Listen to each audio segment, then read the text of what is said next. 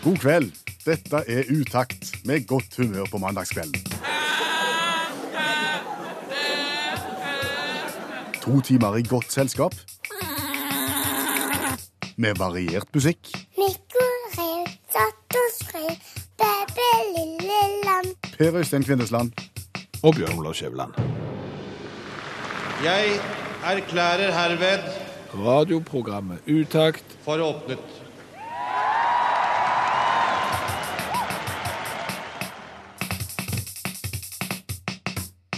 Hallo, ja. Sang Adele. Tenk hvor flink hun kunne vært hvis du bare hadde fordøvd. Ja, Det gir perspektiver. Ja. Det gjør det.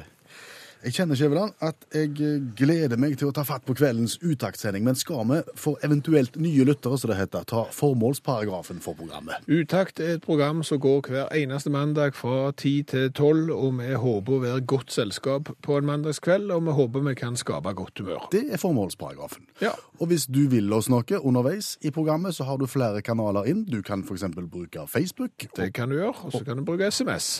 1987 sender du den meldingen til å starte den med utakt. Og den kan du f.eks. bruke til å sende oss en melding og fortelle om hva det dummeste du har støvsugd er for noe. Ja, det var veldig godt at du sa det. For det er jo det vi skal snakke om nå, det er jo støvsuging. For eh, sånn som i dag, når du har radioprogram som begynner klokka ti og slutter klokka tolv, så begynner du jo litt senere enn folk flest på jobb. Og da har du tid til f.eks. støvsuge på dagtid. Det har jeg gjort i dag. Det var min jobb eh, å ta støvsuging, og så begynner du å gå i gang, og så kommer du til et punkt, eksempel en sofa. Ja. Da er det jo å støvsuge under sofaen. Da må du jo ned litt på eh, nesten alle fire, og så stikker du jo bare den lange støvsugerhalsen inn under sofaen, og så prøver du så godt du kan å, å komme til inn i hjørnet der. Og det er da det skjer. Det er da det skjer. Plutselig så hører du en lyd. Altså, da har du sugd opp et eller annet som lager lyd i eh, selve slangen og, og, og sånn, og du hører jo at det ikke er støv. Du kan høre om det er metall, Ja. du kan høre om det er eventuelt glass, og du kan høre om det er tøy, men du aner egentlig ikke hva I det er. dag var det litt metallisk, det jeg støvsugde opp, så jeg lurer jo på hva det er. Og da er det jo den der vurderinga. Tror vi at det er noe verdifullt? Tror vi at det er noe viktig som noen har mista og ikke vært eh, klar over, sånn at vi må ned i støvsug... For jeg har sentralstøvsuger, da. Må vi ned og ta ut posen og dissekere innholdet for å se om det var noe viktig. Noen variabler er det som avgjør om du gjør det? Det første er jo, er det noe som er savna? Altså, jeg har jo savna gifteringen min i mange år, eksempel. Eh, Og, og i perioden rett etter der, for jeg var ganske sikker på hvor jeg hadde lagt den, i, i perioden etterpå eh, den gifteringen forsvant, så var jeg jo veldig var for lyder i støvsugeren. Da var jeg jo nede og dissekerte et par ganger for å se om jeg fant den. Ikke fant ingenting annet enn Lego. Eh, så, så nå når jeg ikke vet at det var noe spesielt savna i huset, vi hadde selskap i går, eh, men jeg tenkte det var ingen som savna noe da heller, så jeg lot det bare være. Ok. Jeg lot den lyden bare være. Men det var metallisk. Ja, ja. Min favorittlyd er egentlig sokk. Sokk, Sokkestøvsuger er gøy. Ja, det er det. Du får en litt sånn rar, sånn vakuumaktig sånn Og så Pop, pop, pop, og så jobber han seg innover. ja, og, og det er jo spesielt kjekt når du da har eh, støvsugeren i, i, i bånn i huset, og gjerne støvsuger i tredje etasje. Mm. Men, men det, er jo, det er jo et hasardspill, hele støvsuginga. Ja, for du er veldig frista ofte til å gå inn til objekter som overhodet ikke skal i støvsugeren, men du gidder ikke å flytte dem. Nei. Hvor nær kan de gå? Ikke så nær, viser det seg. Det er Legoby, for eksempel. Her har jo jeg hatt i et hjørne i, i stua. Og, og der er det jo en del hai, for eksempel. Vi har jo en liten, et hjørne der som er et polart område av Legobyen, der det er hai. Der var der hei. Det var- Det var, det- det var der hai. Og, og der kan du ikke gå så nærme så, som, som du bør. Eh, Sokker har du jo nevnt, det er jo én ting. Mynt har en tendens til å bli liggende. Ja. Mynt får han liksom ikke helt taket på. Nei, og, og skruer er som både òg. altså, du prøver bevisst å ta skruer av og til, og så går de ikke opp. Og så prøver du bevisst ikke å ta skruer noen andre ganger, og da går de opp. Så, og, og da havner de sånn som jeg igjen, tredje gang sier det nå, jeg har sentralstøvsuger, da kommer de gjerne ikke helt opp. Og så hører du bare at de ligger i røret og blafrer, Ja. og så tar du og kutter strømmen, så detter de ut igjen. Ja. Hamster Hamster. Og støvsuger, det er en veldig dårlig kombinasjon. Jeg trodde hamster har stort sett holdt seg i buret og langt vekke fra støvsugeren. Det burde de gjort. Dette er en historie fra virkeligheten. Skjæveland han er ganske trist. Han ender trist. Hamsteren som var ute på lufting, Ja, gikk Ja, ja, ute på frittgående hamster. Frittgående hamster i loftstue. Ja. Eh, Far med støvsuger, og, og litt samme holdningen som deg, under sofa. Bøyer seg ned på alle fire og bare veifter litt med røyren unna. Ja. Får den litt rare kombinasjonen av lyden av sokk. Ikke helt det heller. Litt metallisk, men ikke rent metallisk. En merk, snodig blanding. Ja. Tenkte ikke mer på det før datter i huset kommer hjem fra skolen eller barnehage eller hva det var, og begynner å spørre. Og ser at døra til buret er åpent, og, og, og lille venn er ikke å finne noen plass. Da støvsugde hamsteren. Ja. Jo, men, men det er jo ikke så mange meterne fra, fra støvsugeren til, til posen. Jo, det er det, sa du. For det er sentralstøvsuger. Og dette foregår da i loftstua. Og sentralstøvsugerbasen og sekken er i, i kjelleren, tre etasjer lenger nede. Det er et, et, en lang vei for lille venn, dette her. Det gikk ikke godt. Nei, det, det kan jeg jo tenke meg, men jeg bare lurer på gravferden. Jeg. For det at uh, unger vil jo gjerne gravlegge mm, de kjæledyrene sine. Bare tar du hele posen og sparer ned, eller hva? Må du dissekere det òg? Av jord er du kommet til, til støv, skal du bli. Iselin Solheim var det som sang The Wizard of Us, og dette er utakt i NRK P1. Der jeg vet at du har en iboende liten sånn en ja, begynner på J og slutter på ækel eh, imot eh, heiser. Ja, jeg, jeg har en del spørsmål i hvert fall knyttet til heis og bruk av heis. Jeg har tre spørsmål. Tre spørsmål om heis. Skal vi bare ta de suksessivt? Vi får begynne med nummer én, da. Ja. Eh, Spørsmål én. Hvorfor er det sånn at det er så stor forskjell på heiser, hvor effektive de er? Noen heiser går dørene raskt igjen, og heisen bestemmer seg fort om man skal opp eller ned, og går til den etasjen du har bestemt deg for, konsist og greit. Mens andre igjen, der går dørene ufattelig seint opp, og igjen, så trykker du på knappen, så tenker heisen ei stund, og så begynner den å gå. Ja, Det er litt rart at du stiller de spørsmålene til meg, for jeg står jo ikke på lista til Schindler, for å si det sånn, så jeg har ikke så god greie på, på heis. Men jeg vil jo, ut ifra bare sånn fornuft og, og livserfaring, så vil jeg si at eh, en gammel heis går seint, en ny heis går fort. Jeg tenkte du ville si det, og, og, og det, ikke, det stemmer ikke i det hele tatt, og det er det som gjør at jeg stiller spørsmål. Fordi at nye heiser er fort enda tregere enn gamle heiser.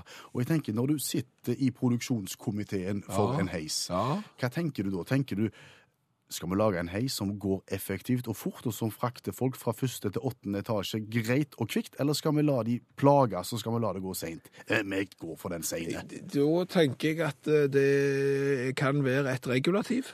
Som eh, som tilsier at det må være så og så lang tid før heisdørene lukker seg, eh, for at folk skal være helt bombesikre på at de kommer opp. Eventuelt et EU-regulativ som sier at det skal gå senere med heis enn det går å ta trappene, for da er det mye sunnere å velge trappealternativet. Så det er et lite mosjonshensyn her, eksempel. tror du på det du sier? Nei, jeg tror ikke på det siste jeg sier, men jeg tror på det første jeg sier. At det kanskje er et sånn at nei, de gamle heisene gikk så fort igjen at folk satte fast kroppsdeler. og- Greit, greit, og har du satt hodet fast i en heis når den begynner å gå oppover en gang, så vil du ikke gjøre det igjen. Det er helt greit at dørene ikke skal gå for fort, at du kan klappe av ei hånd eller en arm. Men når du har kommet deg inn, og døra er igjen, og du er klar til avgang, trenger du da tenke deg om? Da kan du være effektiv. Skal vi være enige om det? Ja, jeg får bare være enig da. Ja. Jeg, prøvde være, jeg prøvde å komme med mye fornuft, jeg fikk det ikke til. Nei, det er helt tåpelig. La de gå fort. Spørsmål to. Ja, Uh, alarmknappen. hva er det med den? Virker den? Er det folk i andre enden? Alle heiser har Det er ikke folk i andre enden på alarmknappen. Alarmknappen er alarmknappen, tror jeg. Og så er det gjerne en knapp ved siden av der du kan ta kontakt med noen. Gjerne et sånn telefonrør som henger der. Så kan du si hei, hei. Ja, Hva skjer hvis du trykker på alarmknappen? Da da? går alarmen. Ja, men Hvor? I bygget. I bygget går alarmen da. Ja. Ja, Men det pleier å være telefoner telefonrør ved siden av som du skal ta hvis du har utløst alarmen. Slettes ikke. Jo, Ikke i de fleste heiser. Nei, ok da. Men da er det en alarm, og så får du kontakt med noen. Ja, ok, du får kontakt. Altså, for det er jo veldig sjelden at en våger å trykke og, og teste ut det der om det faktisk sitter noen. Men la oss nå håpe at det sitter noen. Ja, men det gjør jo det. Jeg ser jo sånn som på den heisen som er i det bygget vi sitter i nå. Der står det at eh, hvis vi ringer det, det nummeret, så kommer vi i kontakt med det vaktselskapet som patruljerer her til daglig og ser om eh, folk har brutt seg inn eller ei. Da havner du der. Jeg lurer på, eh, kompetansen til de som sitter i andre enden når du trykker på alarmknappen, er det teknikere som kan skru heis, eller er det psykologer som kan hjelpe folk som faktisk får panikk fordi at heisen har stoppet mellom 10. og 11. etasje? Så du mener at Ja, Nei, jeg mener ikke jeg spør. ja igjen er kanskje Altså, det er klart at Jeg vil jo tippe at det er ingen av delene. Mest sannsynlig så er det bare en person som har fått beskjed om at hvis noen ringer på denne knappen her og blir, er lettere hysteriske fordi heisen står mellom 11. og 12. etasje, så skal du ringe videre til f.eks. Schindler, og så skal han komme og fikse, f.eks. Men, men eh, Så jeg tror ikke det er folk der med mer enn sunn Tror du de er språkmektige? Nei. Nei, nei, jeg tenker gjerne på et hotell. Det, Ja. kan, det kan være en japaneser som sitter fast. Ja. Som trenger, trenger råd og vink og, og beroligende ord. Jeg bare stiller spørsmål. Ja, nei, Jeg ser at du bare stiller spørsmål, og jeg kan jo ikke svare, men jeg vil jo tippe at det hadde jo vært mye kjekkere hvis det var eksempel noe som hadde beroligende effekt. Hvis du kunne si at det, eh, den ble viderekobla til f.eks. den der telefonen som Røde Kors opererer i helgene, f.eks. Ja. Sånn der du kan si ja, jeg hører hva du sier, og jeg skjønner hva du sliter med, og dette skal ikke du tenke på, dette ordner seg nok. Hva er det tredje spørsmålet da? Hva vil det si å komme i heisen? Ja, nå tror du at det er seksuelt relatert. Det er jo ikke det. Ikke det hele tatt. Altså, komme i heisen, det er jo et uttrykk, et gammelt maritimt uttrykk. Endelig kunne jeg svare. Ja, kom igjen. Eh, å komme i heisen, det var i gamle dager hvis du var om bord i båt og hadde gjort noe som ikke var helt fordelaktig. Hvis du ikke hadde oppført deg fint, eh, sluntra unna eller gjort et eller annet som du ikke skulle, så tok de eh, tau under armene på deg og heiste deg opp i masta, og da kom du i heisen. Akkurat. En slags straff på en plass du ikke har lyst til å være. Ja, og det er jo for så vidt en plass du ikke har lyst til å være, er jo norske heiser den dag i dag, som går utrolig- seint. Og der du ikke får kontakt med nødknappen. Flaks at vi fikk en heissang etter at vi hadde snakket om heis. Lift me up. Jeff Lynn var det som sang. Og så har vi også i programmet i dag snakket om eh, ting vi har støvsugd som vi ikke burde ha støvsugd. Og så spurte vi deg som hører på om du har noen gode eksempler på hva du har vært borti, og det har du. Ja, her er det en som har sendt SMS og kan fortelle at arvesmykker og juggel lager omtrent den samme lyden eh, gjennom støvsugerslangen, og da er det vite hvilket som er hvilket. Og, og Hauge 2 har jo industristøvsuger. Den tar jo alt. Fliselim eh, med litt vann etter en ukes tid, kombinert med noe spon og noe sånt, så har du så det er fram med hammer og meisel og svette og forbannelse for å få dette ut etterpå. Sindre har vært borti katten med støvsuger i røyteperioden. Det skal du helst unngå. Eh, Katten har fortsatt hår, men støvsugerposen så ut som en vrengt kanin i etterkant. Far til David støvsugde bilen. Ja, Det er farlig. Nei, men tydeligvis når du har så dårlig bil som far til David har, fordi at eh, han begynte å støvsuge bilen, og plutselig så oppdaget han at det var et etthånds stort hull i gulvet som ikke var der før han begynte å støvsuge. Så han støvsugde, støvsugde seg gjennom dørken. Annelin har forsøkt å støvsuge ørene, uvisst av hvilken grunn, men det kan jo være det effektivt hvis du har Ja, men et gammelt triks i ludo var jo hvis du ikke kunne få noen til å lage sugemerke på halsen, så prøv med støvsuger. Det har vi jo vokst opp med. Eh, Jon Tore har en fin en her. Eh, Støvsugde tastaturet på laptopen. Var sikkert kommet en del støv ned mellom bokstavene. Problemet var at når han var ferdig med det, så var det bare bindestrek knotten igjen på hele tastaturet. Det samme har Annie gjort. Hun sendte en SMS og fortalte om dette. Det var rimelig trist og tasteløst etterpå. Hver eneste mandag i programmet Utakt så får vi besøk av allmennlærer med to vekttall i musikk, Olav Hove. Og I forbindelse med dagens besøk så har jeg lyst til å ta opp en henvendelse vi har fått via vår Facebook-side fra Helge Haagensen. Helge spør. I programmet deres annonserer dere en person med navnet Olav Hove. Dere sier han er allmennlærer. Er han autorisert lærer? Spørsmålstegn. Hove. Ja, det er jeg. 100% sikker? Ja, ja, ja. Og det folk gjerne ikke vet, er at i tillegg så er du òg forfatter. Forfatter som er kvalifisert til å søke om reisestipend. Ja. Og i den forbindelse så har du lyst å lufte noen tanker med oss, har jeg forstått, om hva du skal bruke dette reisestipendet til, for det er jo en jungel der ute. Yes, det er det. For jeg, jeg tenker jeg må på seminar. Og da er det mye å velge mellom. Jeg har liksom, jeg har, liksom jeg har, um, jeg har funnet tre, på en måte, da. Etter å ha gått gjennom kanskje 100, så jeg kommer ned til tre, så jeg vurderer da å, å reise på hvis jeg får stipend. Nummer én. Nummer én det er kanskje ikke så faglig utbytte, men jeg tok han fordi jeg likte godt navnet. Det er såkalte Lincoln-feransen. Eh, det er en konferanse som er til ære for, eh, for Abraham Lincoln. Og da må du kle deg som Abraham Lincoln, og så må du gå som Abraham Lincoln, og så må du snakke som Abraham Lincoln, og så bør du kunne de fleste talene utenat. Det er rett og slett Abraham Lincoln-samling. Jeg, jeg skjønner jo å kle seg ut som Abraham Lincoln må jo være lett. Det Høye flosshatt, litt skjegg og så en svarte dress. Men eh, å Ja. gå gikk han spesielt. Han gikk spesielt er en egen del eh, på seminaret der du har ganglagkurs for Abraham Lincoln. Eh, høres dumt ut, men hvis du går på disse kursene, og det er lite plasser, så det haster litt hvis du skal ta der, også, så, så er du liksom forberedt til å kunne opptre på festivaler, parader, i skolesammenheng og på historiske spill. Jo, men det kunne være bra i skolesammenheng. ja. Hvor er dette seminaret henne? Dette er i Columbus, Ohio i uh, Amerika. Uh, men egentlig så har jeg mer lyst til å reise på The Vent Haven Convention i Cincinnati, det er òg i USA.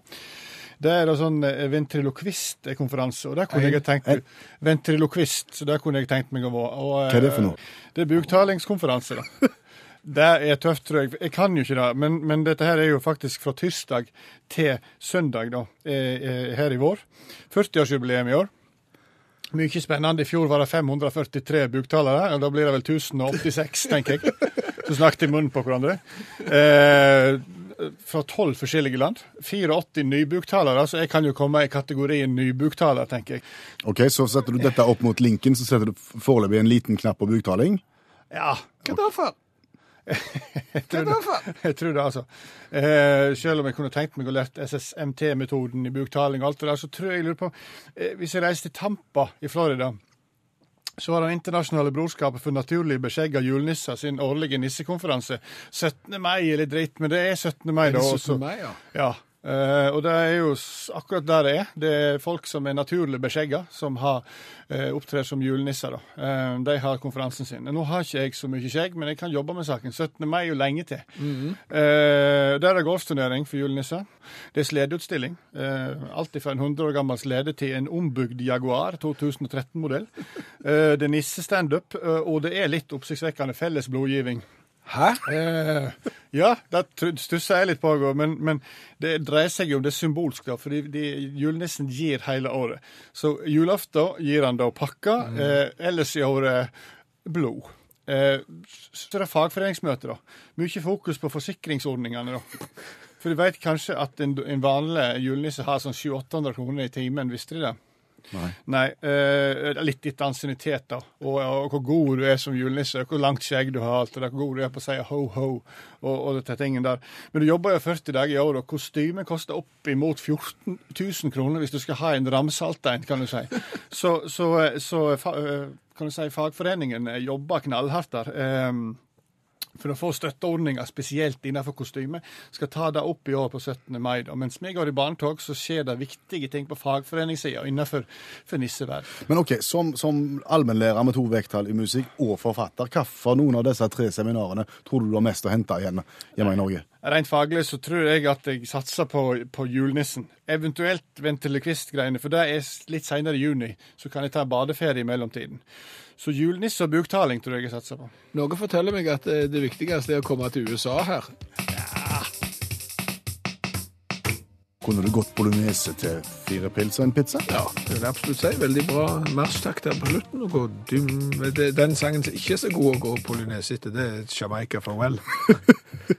Hvordan er den? Det er vel Harry Belafonte.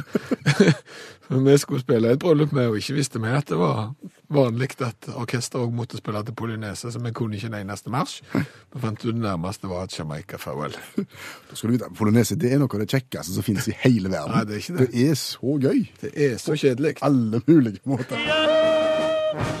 Dette er utakt i NRK P1. På kvelden der statsbudsjettet omsider er lagt fram.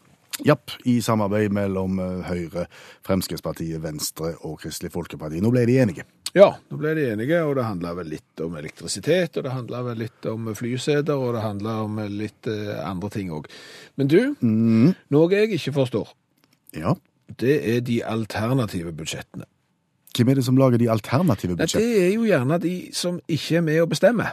De som er i opposisjon. Ja, altså Først så blir jo budsjettforslagene lagt fram i oktober, eller altså tidlig i høst. Og, så eh, lager jo partiene lister over hva de syns er viktige. Og i dette tilfellet så er det jo Venstre, KrF og Høyre og Fremskrittspartiet som du sier, som har bestemt. Så har liksom de lagt sånn forslag til budsjett. Setter de seg ned og triller litt terning og trekker litt lapper og blir enige om hvem som skal få og hvem som må gi. Og så legger de fram det endelige, sånn som de har gjort i dag. Men for eksempel Arbeiderpartiet har jo både lagt fram alternativt statsbudsjett i fjor og i år. Og det forstår du ikke. Nei, Fordi de er jo ikke med å bestemme. altså, du mener det er meningsløst Nei, ja, ja, nesten. Eh, Fordi at de kunne bare fortalt hva de mener. De kunne bare fortalt. Ja, men altså, Det alternative, stat, alternative statsbudsjettet til Arbeiderpartiet i 2015 var 72 sider. Det skriver seg ikke sjøl. I, I år er det 68 sider. Det er mye arbeid. Det er ikke som å sette seg ned og, og analysere et dikt og skrive en stil. Det er mye arbeid. Og hva er vitsen? Vitsen er nok en, en, en, eh, en, signaleffekt. Altså Her handler det jo om å vise hva vi som ikke er enige med, med regjeringen, mener, og vi har et mye bedre forslag. Og vi har lyst til å vise det til hele verden, at vi òg kan. Ja, men Det skjønner jo jeg òg. Men hvorfor er det vi jobber i radio for eksempel, og ikke skriver bok? Det går jo mye fortere å si det. sant? Det er mye mindre arbeid å sitte og snakke. og jeg tenker jo at Arbeiderpartiet kan jo kritisere f.eks. budsjettet som blir lagt frem i dag, og så kan de påpeke endringer som de ville gjort. Fort og greit, og alle tiders folk hadde fått det med seg. Skrive 72 sider og 68 sider i år, det er så mye arbeid. Går det an å sammenligne den jobben de gjør med et eller annet som gir oss et bilde på dette? Ja, altså jeg tenker at det er litt den der greia at eh, du går på gymnaset. Ja. Og det, det, det gymnaset heter Stortinget, eksempel.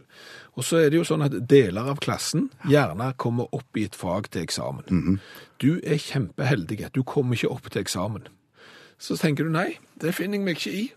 Jeg vil øve på den prøven allikevel. Ja, men du skal jo ikke opp til sensur. Nei, jeg skal ikke det. Ja, men det tar mye tid å lese dette. Jo, jeg ser det tar mye tid. å- Ja, men du slipper ikke inn i lokalet. Nei, jeg kommer til å møte opp for det. Og jeg skal inn og fortelle... Nei, men det er litt den følelsen der, tenker jeg. Ja. Er du sikker på at du har skjønt alt? Nei, jeg tror ikke det.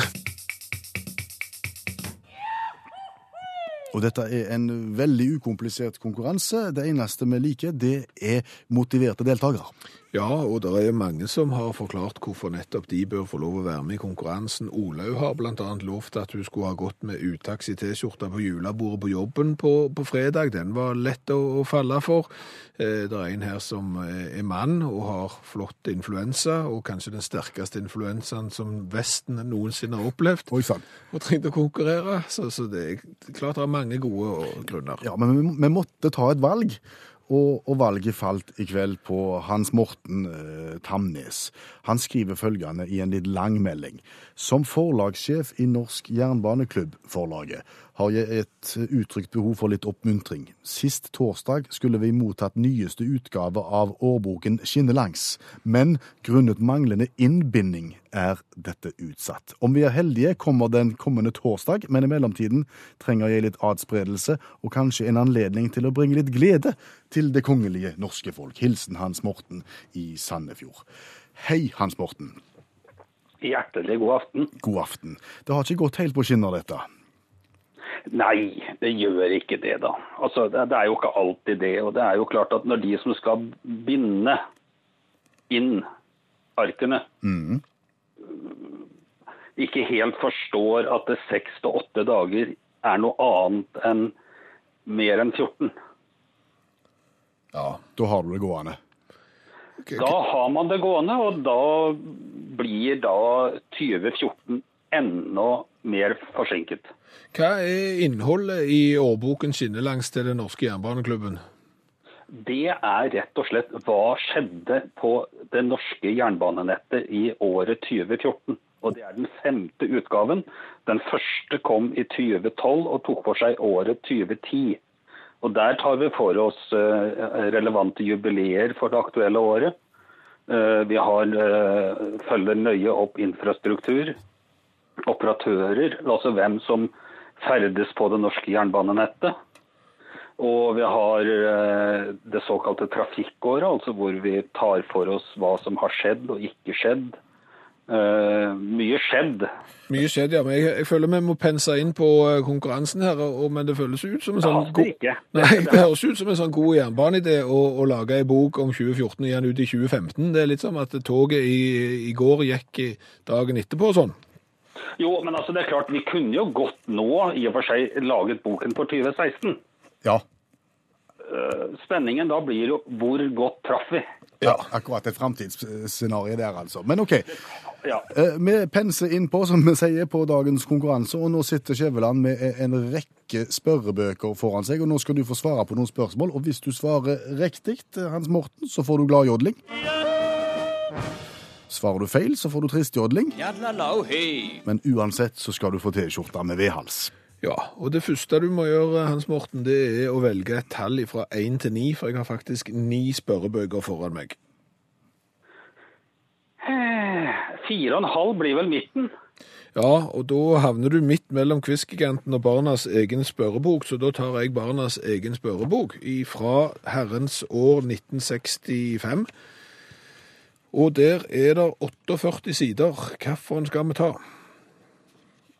Ja, ta, ta fire, da. Det er jo den dagen jeg er født. Ja, da er vi rett etter innholdsfortegnelsen, og vi er på for fantasien og eventyrets verden. 21 spørsmål å velge i. Du velger et tall. Elleve. Da har vi måneden. Hvilken berømt bok om en snill Ja. Om en snill slave medvirket til utbruddet av den amerikanske borgerkrigen. Hvilken berømt bok om en snill slave medvirket til utbruddet av den amerikanske borgerkrigen? Og det var jo den boken som vel kom som en filmserie som gikk i eh, langsammelige tider. Eller ikke. Eller ikke. Det, eller ikke, fordi at det var det ikke. Men det var vel Å, du og du og Skal vi si at det er ei hytte involvert her? Ja, takk. Og da er jo det hytten til onkel Tom. Og her ser jeg jo tydelig at denne boka er gammel, for der var det ord som vi ikke lenger bruker på norsk radio i det spørsmålet der. Det gikk jo strålende, det. Her er det lys i tunnelen, for å si det mildt, Hans Morten. Vi går videre til spørrebok nummer to. Nå kan du velge mellom én og åtte. Da tar vi syv. Da tar du nummer syv. Da håper jeg du er glad i fotball, gjerne Nei. Haugesund. Nei. Finn noe annet enn gress og leirmishandling, vær så snill. Ja, men da kan vi legge vekk 707 spørsmål fra Haugesundsfotballen, og så kan vi gå på Quiz-giganten. Det er et helt åpent eh, show. Å, tusen takk. Veldig greit. 400 sider å velge i. Hvis du da treffer sport, så snur jeg ikke. Nei, vi får 202, da. Det er jo en mare å bare bla her. Vi er da kommet til musikalsk cocktail. Spørsmål nummer 1 til 15. Ti. Hva er Alice Coopers virkelige navn? Det har vi jo lest, Har du det? Jeg visste det ikke. og vi har vel hørt det. Det kan du godt ha gjort. Jeg har ikke hørt det. Men man husker det ikke. Nei. Nei. Da gjør vi sånn. Vincent Furnier. Ja. Ringer det ei bjelle i lokomotivet? Nei. Nei. Nei. Ikke hos meg heller. Det var jo altså Winston Churchill, men det lignet jo ikke helt. Ikke helt. Vi noterer Winston Furnier Alice Cooper der, altså. Da har vi ett rett og ett feil, og vi har ett spørsmål igjen. Du får lov å velge blant de syv siste spørrebøkene. To. To. Min første spørrebok, den er for barn. Der er det er nesten ingen sider og nesten ingen spørsmål. Så da er det bare å velge ett blant de 30 sidene vi har. Ja øh, 25. 25. Ja. Hva het spydkasteren som tok gull i OL i 2008? Er det for barn? Ja, ja. Altså, det kunne like gjerne vært jul E. Nissen. Er det så gale? Han er fra Sørland og hiver veldig langt i spyd. Ja, og så Og så heter han Andreas til fornavn. Og, og, Ja. og ikke Disen til etternavn. Nei, dette er Torkelsen til etternavn, så hvis du svarer Er, er det så gale med, med sportskunnskapen, altså? Eh, Men altså, jeg er frisk og rask. Ja, men, Jeg, jeg, lider, jeg lider ikke av slike ting. ok, men hvis jeg hadde spurt liksom, hva var det siste damplokomotivet på Dovrebanen, så hadde du visst det? Det kan nok meget vel være, ja. Der ser du. Det er interesseforskjeller. Helt klart. Vet du hva, Hans Morten Tamnes, nå kommer det snart ei T-skjorte med V-hals, eh, retning Sandefjord. Den tar du på deg når du går på terminalen for å hente bøkene når de er klar. Skal vi si det sånn? Det kan vi meget vel inngå en avtale om. Og så vil jeg bare da glede meg over at det kongelige norske folk da lærte noe i kveld. Særlig hva gjaldt da eh, spørsmål to. Ja, men da lærte vi alle noe. Han Vincent kommer til å huske det. Og så må vi få si tusen takk til deg som tar deg bryet med å skrive en god begrunnelse for å få være med i konkurransen. Nye muligheter hver eneste mandag framover mellom 22 og midnatt, så ingen grunn til å gi opp her. Nei. Og så må vi òg få lov å takke alle de som reiser verden rundt, og som tenker at nei, nå er jeg utenlands, denne colaen her skal jeg ta med meg hjem, og så skal jeg sende den inn til de guttene som har radioprogrammet Utakt. For uten deres hjelp så kunne vi ikke ha hatt vår store coladugnad gående uke etter uke etter uke. For dette er noe vi gjør for dere. Ja, både òg. Ja. Men vi gjør det litt for dere og litt for oss sjøl. Ja, mest for oss sjøl av den grunn at det er ganske tøft. Ja, tenk å kunne være det radioprogrammet i hele verden som har smakt på flest typer cola. Og så er det litt for dere, fordi at eh, nordmenn reiser jo mye rundt omkring i verden, og da kan det være lurt å vite hvilken cola skal du drikke i hvilket land. Nå har vi smakt cola fra omtrent alle kontinenter. Eh, Australia har vi ikke vært borti ennå, så vidt jeg vet. No, så howdy mates, eh, if det er noen som skal down under, så mangler vi en cola fra, fra Australia. Ellers så har vi vært på alle kontinent. I dag skal vi til Europa. Vi skal til det landet som slo oss ut av Europamesterskapet i fotball. Ja. Vi skal til Ungarn. Ja, og så får vi se om de er bedre på eh, fotballbanen enn de er på brus. Hva heter colaen, den ungarske colaen vi skal ta for oss? Cola. Den heter bare Cola. Ja, New Cola. New Cola. Ja, det er sikkert oppfølgeren til Cola. Eh, New Cola heter den. Det er en rød boks som ser ut som det er en kloning av en vanlig rød Coca-Cola-boks. Her har de ikke tenkt spesielt oppfinnsomt. Og det er gitt ut av Hansa Kontakt. Hansa? Ja, de må sikkert ikke forbindes med Bergens stolthet Hansa, men det er da et uh, selskap som ble dannet i 1995, og som Altså Det er alt fra mat til kjemiske varer, tobakk og drikkevarer, og det er alt. Og de har store lager, og de lager sikkert en bråde med forskjellige ting, og her har de lagt en cola. Hansa Cola, eller New Cola fra Ungarn der, altså. Ja. Vi åpner Yep. og hellig, og så er spørsmålet smaker dette godt, eller smaker det litt som en keeper med lange treningsbukser? Vil vise seg. Nå skal vi først smake på den ungarske colaen og gi den eh, poengsum fra 1 til 10. Jeg kan avsløre at det lukter tyggegummi.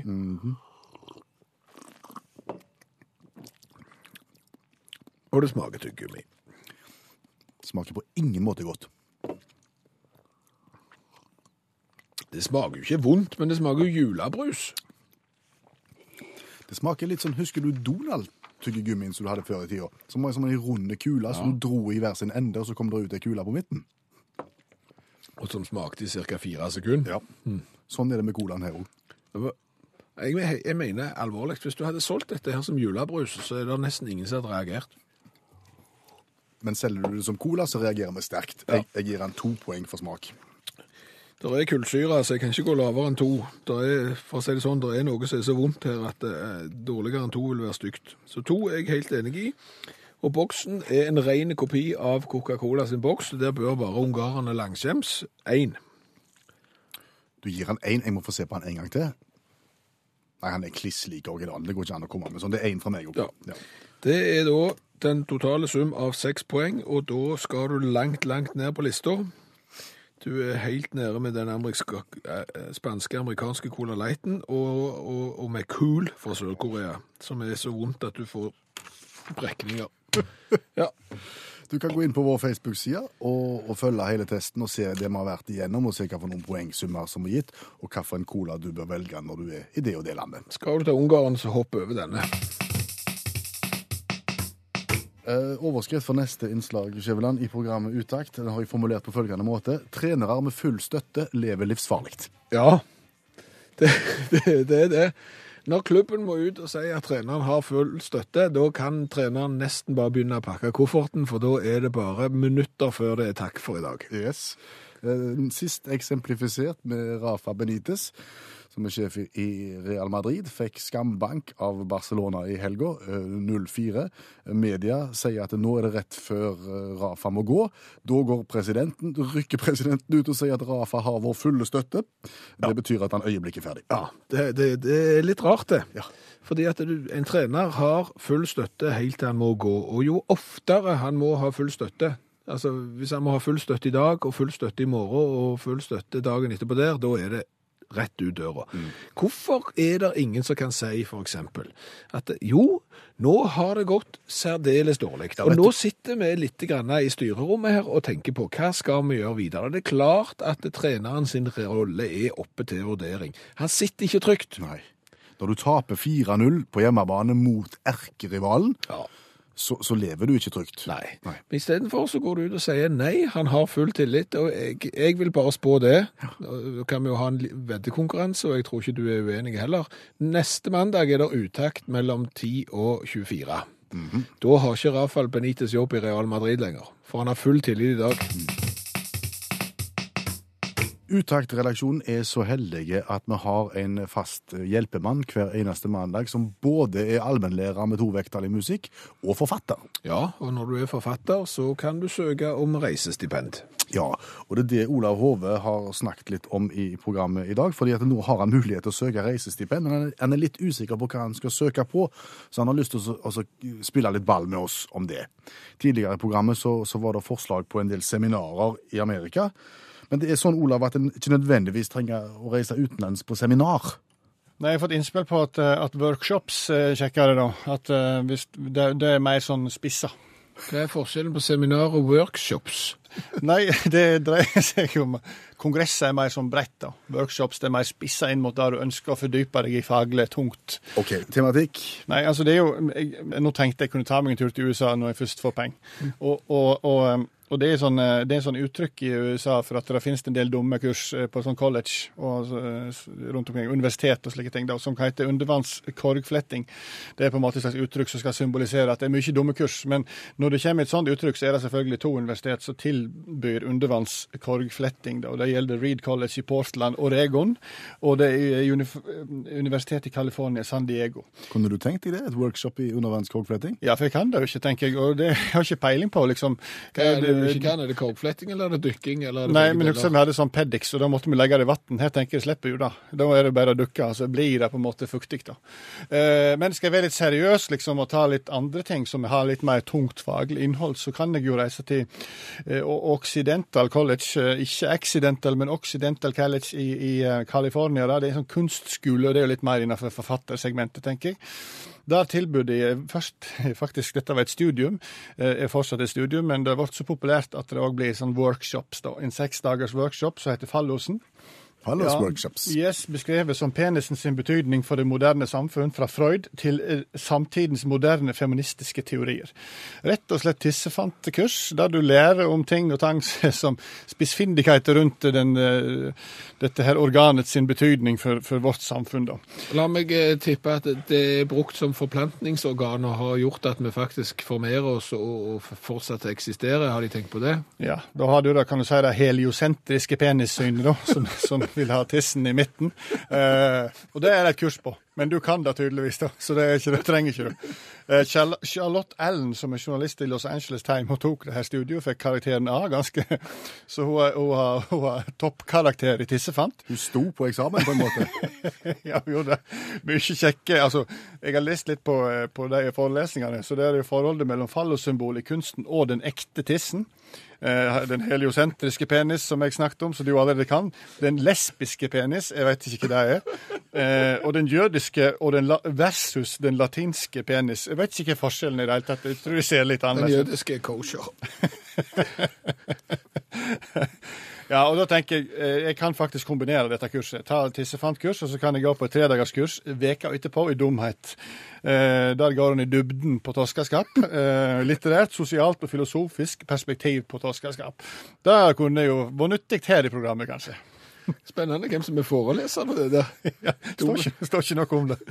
Så dumt.